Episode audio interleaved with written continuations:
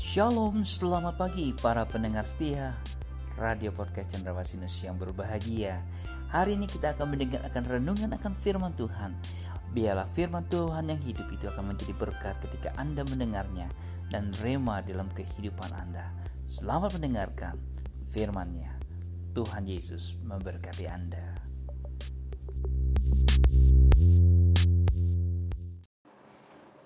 Salam, selamat pagi Bapak Ibu Saudara yang dikasih oleh Allah. Apa kabarnya pagi hari ini? Doa saya Anda dalam keadaan sehat, kuat, dan tentunya tetap bersemangat.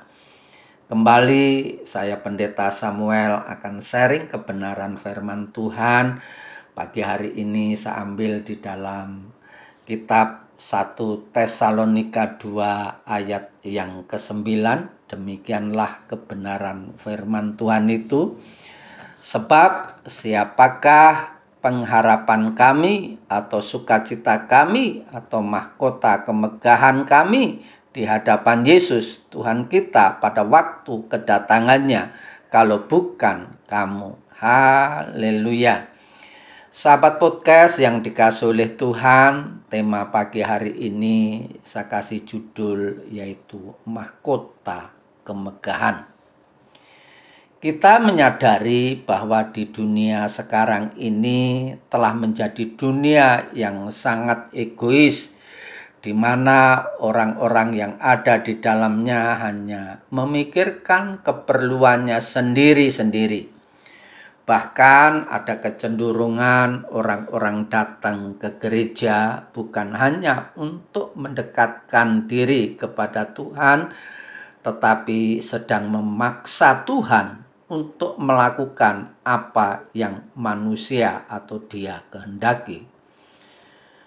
Manusia sedang berpikir bagaimana untuk memiliki harta lebih banyak lagi Bagaimana untuk memiliki simpanan lebih banyak lagi dan hal ini bukanlah hal yang salah akan tetapi hal ini akan menjadi salah jika hati kita, pikiran kita, kehendak kita, segenap hidup kita tertuju kepada hal-hal duniawi itu.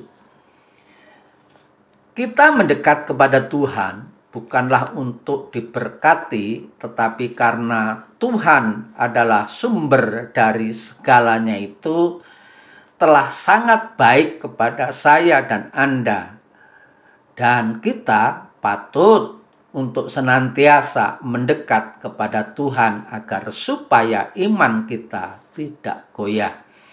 Nah, pada ayat bacaan kita pagi hari ini Paulus sedang berbicara mengenai mahkota kemegahan. Apa yang dimaksud dengan mahkota kemegahan? Adalah mahkota yang telah diterima oleh seseorang sebagai upah memenangkan jiwa untuk kerajaan Allah. Tiga hal pagi hari ini yang ingin saya sampaikan mengapa kita harus bisa memenangkan banyak jiwa. Yang pertama, karena dengan memenangkan jiwa maka kita mengalahkan setan. Yakobus 5 ayat yang ke-20 Ketahuilah bahwa barang siapa membuat orang berdosa berbalik dari jalannya yang sesat, ia akan menyelamatkan jiwa orang itu dari maut dan menutupi banyak dosa. Dengan kita memenangkan jiwa berarti mengalahkan maut. Neraka diciptakan bukan untuk manusia, tetapi neraka diciptakan untuk setan. Oleh karena itu, mari Ibu Bapak, sahabat podcast yang dikasih Tuhan, kita berusaha bagaimana kita bisa memenangkan orang-orang di dekat kita. Yang kedua, karena dengan memenangkan jiwa maka surga bersuka cita. Lukas 15 ayat yang ke-10 Aku berkata kepadamu demikian juga akan ada sukacita pada malaikat-malaikat Allah karena satu orang berdosa yang bertobat. Yang dapat membuat Tuhan senang adalah jika ada satu orang bertobat. Oleh karena itu, mari Ibu Bapak, sahabat podcast yang dikasih oleh Tuhan, kita belajar untuk memberitakan kabar keselamatan agar supaya orang di sekeliling kita atau mungkin itu keluarga kita yang belum percaya mereka boleh bertobat dan mengaku Yesus sebagai Tuhan dan juru selamat serta penguasa tunggal dalam hidupnya.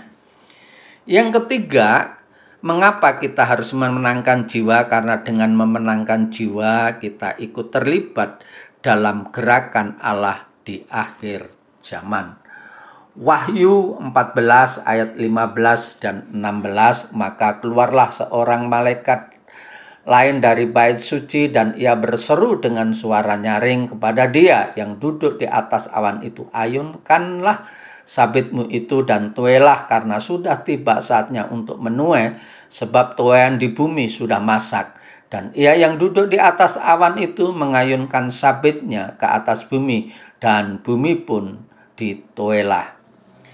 Gerakan akhir zaman adalah gerakan toyan besar-besaran di mana akan ada banyak jiwa yang bertobat dan terima Yesus sebagai Tuhan. Gerakan ini tidak dikerjakan oleh malaikat Tuhan, tetapi oleh kita, umat manusia. Kenapa gerakan ini tidak dikerjakan oleh malaikat? Karena Allah tidak menyediakan mahkota untuk malaikat, tetapi untuk kita manusia yang percaya kepada Tuhan. Sahabat podcast yang dikasih oleh Tuhan, di manakah hati Anda berada saat ini? Pada harta di bumi atau di surga, harta di bumi dapat dicari, tetapi harta di surga tidak dapat dibongkar dan dicuri ada mahkota kemegahan tersedia di surga untuk setiap jiwa yang dimenangkan bagi kerajaan Allah. Selamat pagi, selamat beraktivitas. Tuhan Yesus memberkati, tetap semangat.